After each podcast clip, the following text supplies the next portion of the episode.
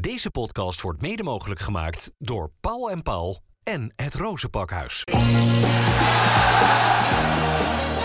Dit is Rijnmond Sport, de podcast. Ja, wat een feest weer om in eh, de Kuip te zijn geweest bij eh, de wedstrijd in speelronde 30. Feyenoord wint met 3-1 van FC Utrecht. En samen met Dennis Kranenburg mocht ik het verslag doen voor Rijnmond van, eh, van die wedstrijd. Geen Jesse van Zomeren vandaag erbij voor de podcast. Dus we gaan met z'n tweetjes erover, eh, erover napraten. Met eh, ja, weer een horde genomen. Hè? De eerstvolgende speelronde, Dennis. Kan het raak zijn? Ja, dan is het natuurlijk wel al afhankelijk van het resultaat van de wedstrijd tussen PSV en Sparta. Maar eh, ja, het komt natuurlijk wel steeds dichterbij. En dat merkte je ook tijdens deze wedstrijd wel in het, eh, in het stadion. Hè. Dat er, eh, bij de 1-0 kwam het al een beetje voorzichtig, we worden kampioen. Bij de 2-0 begon het steeds luider te klinken. Ja, bij de 3-0 ging iedereen helemaal los van ja, Arne, Arne, we worden kampioen. Feyenoord, Feyenoord, we worden kampioen. Ja, je weet gewoon dat het steeds dichterbij komt. Ook vandaag geen geweldige wedstrijd tegen FC Utrecht. Maar Feyenoord is echt geen seconde in de problemen gekomen. Gewoon een hele, ja, ja, gewoon een hele goede overwinning. Waarbij je ook niet al te veel energie hebt hoeven weggooien. Zoals bijvoorbeeld in die wedstrijd tegen afgelopen donderdag AS Roma. Even dat spoorboekje inderdaad aan het eh, begin er, eh, erbij pakken voor, eh, voor Feyenoord. Dat dus zelf wint. Vandaag wint PSV met 3-0 van Ajax.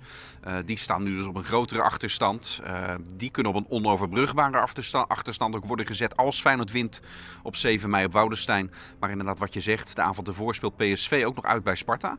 Eh, en als ze daar punten morsen, ja, dan gaat dat gat als Feyenoord wint weer nog groter worden. Met daarna nog maar eens eh, drie wedstrijden te gaan. Ja, dan zou het dus zo raak kunnen zijn. Maar ja, dat is wel lastig, hè? ook logistiek. Laten we daar zo allereerst over verder, eh, verder praten natuurlijk. En daarna gaan we de diepte in over die wedstrijd. Rood, wit, bloed, zweet. Geen woorden maar daden. Alles over Feyenoord. Want wat ik zeg is best een logistieke puzzel. Je weet eigenlijk pas zaterdagavond, 6 mei, de dag voor de wedstrijd, de derby op Woudenstein bij, eh, bij Excelsior, weet je pas waar je aan toe bent. Als PSV hem wint, is het sowieso nog geen kampioenswedstrijd. Maar als PSV morst, dan weet je opeens pas de avond van tevoren van hé, hey, dit is hem. Gaan ze dan eh, ook van de gemeente Rotterdam er wel op tijd klaar voor zijn om twee dagen later dan, eh, dan te huldigen? Ik kan me voorstellen dat ze daar niet op het laatste moment denken van hm, ze kunnen kampioen worden. Daar zijn ze natuurlijk al lang mee bezig. Alle plannen liggen er al om bij een eventuele huldiging, eh, bij een kampioenschap op eh, de zevende, een huldiging vlak daarna te doen. En als het een week later gebeurt, liggen de draaiboeken ook al klaar om het dan vlak daarna te doen. Dus ze gaan zich niet laten verrassen door een eh, last minute huldiging of kampioenschap van Feyenoord. Dat zie je al van mijlenver aankomen. Daar wordt natuurlijk al lang op ingespeeld. Wat wil jij, wat wil je eigenlijk? Wat vind je mooier daar op, op Woudenstein? Dat er, nou ja, in het uitvak 400, eh, maar we weten al op de vakken daarbuiten, ik heb het al genoeg gesproken, ook die, eh, net als in 2017, sommigen ook flink gelapt hebben om, er, om erbij te zijn. Eh, of, of in een eh, volgepakte kuip de week daarna. We hebben mensen toen zelfs 1500 euro of zo. Ja, zeker, die ken ik, ja. Ja. Eh, ja, kijk, het allermooiste is natuurlijk als het hier in de Kuip gebeurt, dat iedereen die erbij kan en eh, wil zijn, er ook bij kan zijn.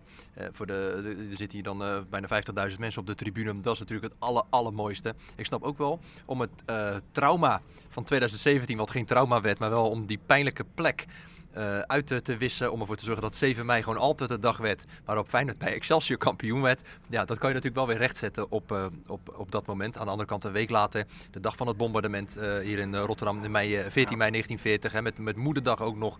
Ja, het zou ook mooi zijn als het dan hier in de Kuip kan gebeuren. Dat iedereen er gewoon bij kan zijn. Ja. En laten we ook wel zijn, wij van, van, van Rijnmond eh, hopen natuurlijk ook dat eh, Sparta het goed doet tegen, eh, tegen PSV.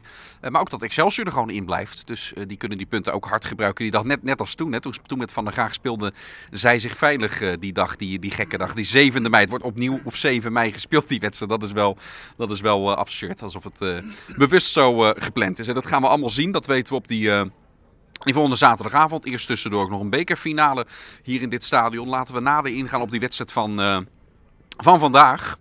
Die, eh, en misschien ook wel logisch, helemaal niet in zo'n hoog tempo als gebruikelijk werd, eh, werd gespeeld hè, door, eh, door Feyenoord. Heeft dat nou te maken gehad met donderdag nog? Eh, mm, Of ja. met de tegenstander? Nou, ik denk uiteindelijk met allebei. Omdat afgelopen donderdag Feyenoord heel diep heeft moeten gaan in die wedstrijd eh, bij AS Roma. Met ook nog die verlenging. Laat terug, de volgende dag weer een reisdag. Waardoor je uiteindelijk maar heel weinig tijd hebt om toe te werken naar deze wedstrijd. Eh, maar Utrecht was vandaag ook niet bij macht om het Feyenoord heel erg moeilijk eh, te maken.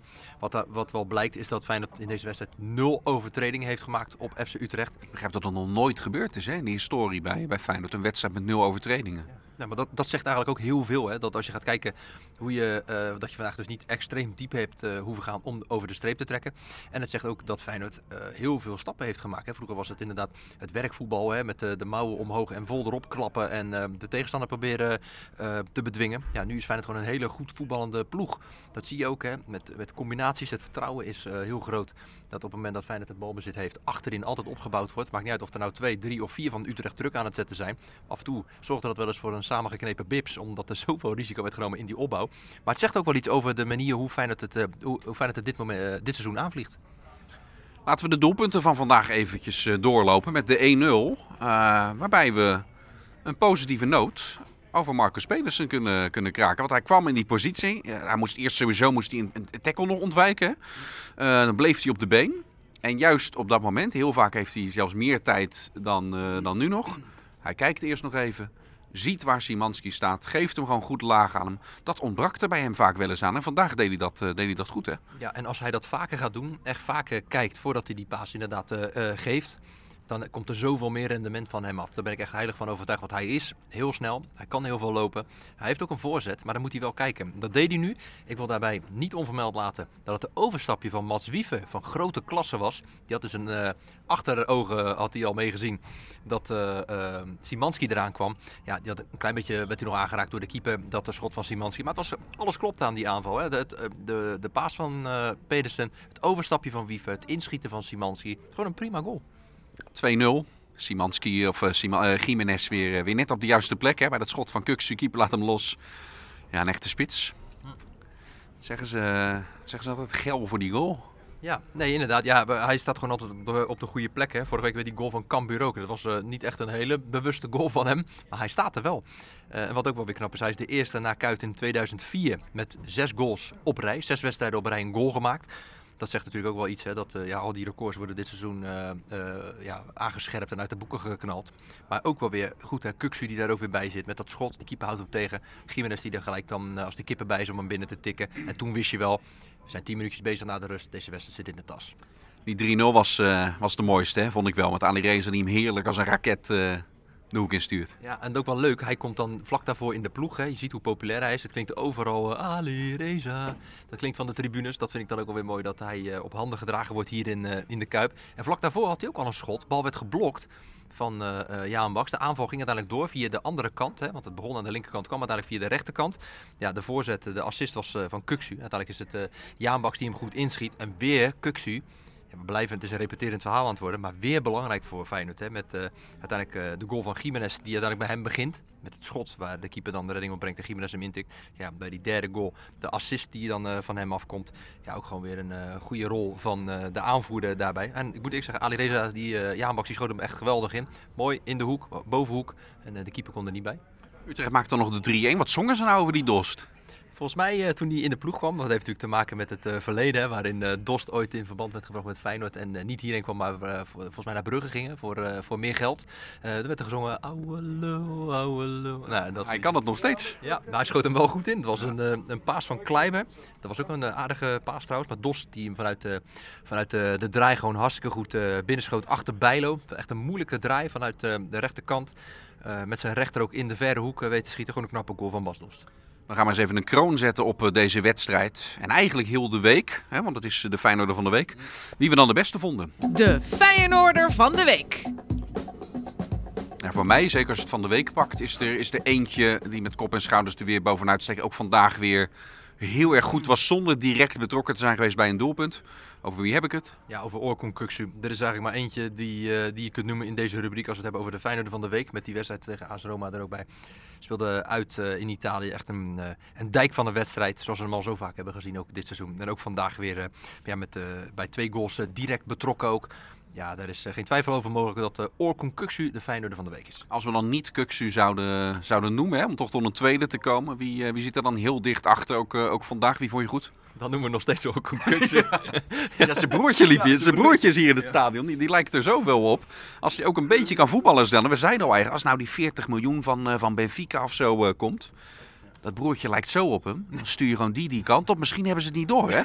Ja. heb je en het geld en dan hou je Orkoen hier. Maar ja. Ja het gaat denk ik niet, uh, zo gaat het niet lopen. Nee. Hey, maar wie, uh, wie, uh, wie buiten hem vond je in aanmerking komen genomineerd dan voor Feyenoord van de Week? Ja, dan ga ik toch voor David Hansko. Omdat ik die ook van de week gewoon prima vond spelen tegen uh, AS Roma. Met een aantal ingrepen daar weer belangrijk was. En ik vond hem vandaag ook. Hij was op een gegeven moment, ja, leek hij een beetje verslagen in een omschakeling van FC Utrecht. Hij ging er nog achteraan. En dan weer met een tackle zette hij iemand nog van de bal. Hij voorkwam uiteindelijk dat Doevikas nog een keer gevaarlijk kon worden. Die hem al lang en breed gepasseerd was. Dat drong hem uh, bijlo hem naar de buitenkant. Dan zat hij er toch weer met een tackle heel goed bij om te voorkomen dat hij nog op doel kon. Een moment, hè, want dan was het misschien 2-1 in die fase geworden, 65ste minuut. Ja. En ik wil ook, als, ja, ik vond van de week uh, Geertruida vandaag niet een hele moeilijke wedstrijd uh, gespeeld. Maar van de week tegen AS Roma was hij ook gewoon echt wel weer, uh, echt wel weer heel goed. Daar vond ik hem ook wel weer een prima indruk maken bij, bij Feyenoord. Um, ja, dus, en, en ik moet ik zeggen, ja, dat is, kijk, Feyenoord van de week wordt hij niet. Maar ik vond bijvoorbeeld vandaag in de wedstrijd tegen Utrecht Dilrosun ook wel, ook wel aardig invallen. Ja, hij was uh, wat sterker aan de bal dan uh, normaal. Hè? Ook uh, acties waarbij hij normaal gesproken dan de bal verspeelt, draaide hij zich dan nu toch nog uit. Een paar keer wat dreigende, dreigende voorzetten. Dat was veel beter dan vorige invalbeurten. Ja, nee, absoluut. En ja, het zegt ook wel iets dat inmiddels als er een wissel moet plaatsvinden bijvoorbeeld aan de rechterkant bij Feyenoord. Hè. Uh, dus Jaanbaks niet in de basis. Ja, dat niet Deelroosen daar begint, maar dat Peixau nu aan die kant start. Want die kan links starten, maar blijkbaar ook rechts. En ja, daar wordt nu dan voor gekozen. Dat zegt ook wel iets over Deelroosen. Jens Toornstra, Feyenoord van de week. Het publiek zingt hem ook in deze wedstrijd weer toe. Hè. Zelfs Jensie, Jensie, we worden kampioen. Het is ook gewoon zijn kampioenschap. Heeft er drie gespeeld. Ja, nee, zeker. Dus uh, aan het begin van dit seizoen uh, bij Feyenoord nog uh, gespeeld. Dus hadden hem graag willen houden hier bij, bij Feyenoord. Maar ik, ik moet eerst zeggen, ja, ik snap zijn keuze wel. Hij wilde natuurlijk meer minuten maken bij... ja, hij wilde sowieso meer minuten maken. En dat, ja, dat kon bij Utrecht meer dan bij, bij, bij Feyenoord. Uh, ik neem de microfoon even over, kun jij je arm even rust uh, geven. Uh, dus een logische keuze dat hij uiteindelijk richting Utrecht is gegaan. Maar wel mooi dat ja, het publiek, weet je, hij heeft hier acht jaar gespeeld. En iedereen weet ook wat zijn bijdrage is geweest aan deze club hè, in, in al die seizoenen. Hij zal na zijn carrière ook wel weer hier terugkomen. En ja, de mensen hier die, die omarmen Jens Toornstra, wat een, een goede speler is. Wat een, een keurige kerel ook is, een, een leuke gozer is. En logisch dat hij hier op handen wordt gedragen. De glazen bol.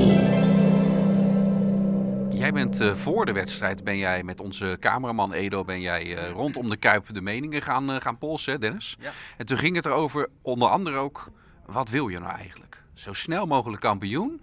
Of in die volgepakte Kuip? We gaan uitkijken naar Excelsior Feyenoord natuurlijk, de eerstvolgende, de glazen bol. We gaan zo onze voorspellingen doen. Wat was een beetje de gemene deler van, van de mensen die je, die, die je sprak? Wat willen ze? Eigenlijk wil iedereen zo snel mogelijk die titel binnen hebben. Ja, het maakt niet zo heel veel uit uh, wanneer het is, maar het liefst uh, gisteren. Want ze zeggen ook van ja, het is voor Utrecht nog maar vijf wedstrijden en het is acht niet, punten. Toch niet, het blijft Feyenoord. Ja. ja? Ja, die hebben we zeker gehoord. Toen zei ik ook, nou ja, acht wedstrijden, of acht punten, vijf wedstrijden, dat is vijftien punten. Ja, er is nog nooit een ploeg geweest die in april acht punten voor stond en die voorsprong heeft weggegeven. Ik zeg ook tegen die mensen, ik zeg, ja, maar dan is het toch veel lekkerder om dat hier te doen. Nee hoor, doe maar gewoon lekker eh, zo snel mogelijk hoor. We willen niet wachten, we willen niet wachten. Binnenhalen die handel. Wat denk jij? Dan moet je dus eigenlijk eerst in deze glazen bol vraag ik je nu dus eigenlijk, joh, wat denk je van Sparta PSV? Ja. En daarna wat denk je van Excelsior Feyenoord? Nou ja, um, Sparta kan Feyenoord natuurlijk een hele grote dienst bewijzen hè, om uh, door PSV uh, of in ieder geval punten af te snoepen van PSV. En Sparta doet het hartstikke goed natuurlijk dit seizoen, dat weten we. Uh, maar het zou lekkerder zijn voor alle mensen. En ik snap dat je hem het liefst zo snel mogelijk binnen wil hebben. Maar dat het een weekje later gebeurt. Hier in de eigen Kuip tegen Go Ahead Eagles. Daar kan er een groot feest losbarsten. kan iedereen, kunnen er veel meer mensen ook bij zijn. Dus uh, ja, dat, dat zou eigenlijk om het helemaal compleet te maken mooier zijn. Ja, het is wel een heel realistisch scenario. Als je kijkt naar Sparta dit seizoen. Ook bij Twente gelijk gespeeld. Van AZ gewonnen. Dat, dat nou, trauma is het niet eens. Maar dat zij niet van de grote clubs kunnen winnen. Of daar punten tegen kunnen pakken. Daar hebben ze afstand van, uh, van genomen. Alleen niet tegen de traditionele top 3 dan misschien.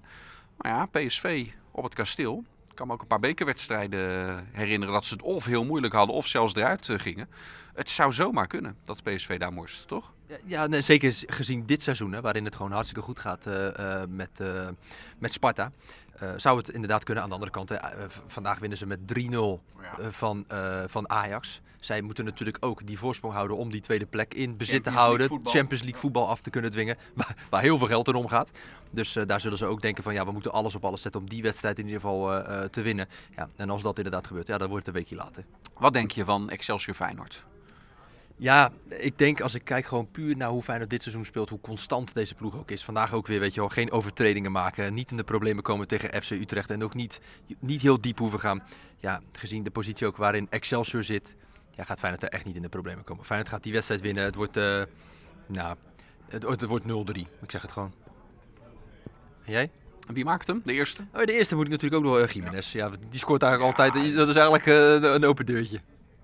Dan zeg ik 1-4. En uh, de eerste van Feyenoord wordt gemaakt door. Keertjes even wat voor de. Mats Wiever tegen zijn oude club. Ik weet dat hij niet zo vaak scoort, maar. Het is wel bijzonder. Hij wil zeggen van alleen een statistiek van dat hij een, exact een jaar geleden of zo speelde die uh, een 4-1 verloren wedstrijd uit bij Telstar. En op diezelfde dag speelde die nu in de Kuip tegen AS Roma met Feyenoord in de kwartfinale van de Europa League. Het kan snel gaan. Ja, ja. Kan het ergens in 2017 uh, natuurlijk ging het mis voor Feyenoord daar. Toen konden ze de kampioen worden. Zou dat ergens nog, nog, nog kunnen? Of is het echt zonder Excelsior tekort te doen, maar vrijwel uitgesloten als je beide ploegen ziet spelen? Ja, lijkt me niet toch. Ik kan me niet voorstellen dat Excelsior uh, dit Feyenoord dat zo constant is en zo uh, ja, niet eenvoudige wedstrijden wint. Want dat is ook niet altijd het geval geweest dit seizoen. Maar ik kan me niet voorstellen dat, uh, dat Feyenoord daar uh, in de problemen gaat komen. Ik kan me niet voorstellen. Twijfel jij daar nog over dan? Nee, toen was er natuurlijk ook veel meer hoogspanning. Hè? Die, die druk van het 18 jaar geen kampioen zijn geweest zit er nu allemaal ook niet bij. En dit Feyenoord is, uh, zei het op een gegeven moment in het wedstrijdverslag vandaag ook, hè? zo stabiel, zo rustig. Zelfs met zijn kans tegen, als, als met, met Doevikas er dan was, straalt het aan alle kanten uit van uh, dit komt vandaag, ook vandaag komt dat gewoon weer, uh, weer goed. Dus nee, ik deel wat jij, wat jij zegt. Hey, we gaan het allemaal zien, we gaan het allemaal volgen. Ik sprak trouwens die mensen voor de wedstrijd hè, buiten om inderdaad te vragen: wat wil je zo snel mogelijk binnen of gewoon lekker in een thuiswedstrijd. En toen hadden we het ook over dit seizoen. Hè, van hoe komt het nou dat het nou zo'n goed seizoen uiteindelijk is geworden met zoveel nieuwe spelers die er zijn gekomen. Toen zeiden ze allemaal: ja, Arne, Arne, ja, Arne. En toen zei ik ook van: maar ja, hoe groot acht je nou de kans dat hij uh, gaat blijven? Ja, dat vonden ze dan ook wel weer moeilijk in te schatten. Wat we eigenlijk allemaal vinden, want we weten het eigenlijk allemaal niet. Het zou mooi zijn als hij nog een jaar blijft. Al die mensen die hadden ook zoiets van: dit is het moment. Keken de camera in en zeiden allemaal: Hey Arne, nog een jaartje blijven. Hey, kom op jongen, hey, pak nog een jaartje erbij. Nog een keer die titel binnenhalen. Terwijl deze is nog niet binnen. En vlak daarvoor zeggen ze: Ja, ik weet het nog niet hoor. Acht punten, maar het is nog maar vijf wedstrijden. Maar het is maar acht punten. Vond ik dan ook weer bijzonder dat ze allemaal een oproep deden van: uh, Ja, blijf gewoon alsjeblieft nog een, uh, een jaartje bij de club. Volgende week dus de bekerfinale in dit stadion. Helaas geen Feyenoord. Daarbij natuurlijk tussen PSV en Ajax. En de week daarna gaat de Eredivisie verder. Wij gaan het ook die zaterdagavond al volgen als Sparta PSV is live bij ons op de radio. Ook voor Feyenoord dus heel erg belangrijk die, die wedstrijd wat er daar gebeurt. Als PSV morst kan het de dag daarna een volksfeest worden als Feyenoord wint bij Excelsior. Wij zijn er dus bij, bij die beide wedstrijden. En maken de afloop natuurlijk weer een nieuwe ronkende podcast. Dit was Rijnmond Sport, de podcast. Meer sportnieuws op Rijnmond.nl en de Rijnmond app. Deze podcast werd mede mogelijk gemaakt door Paul en Paul en het Rozenpakhuis.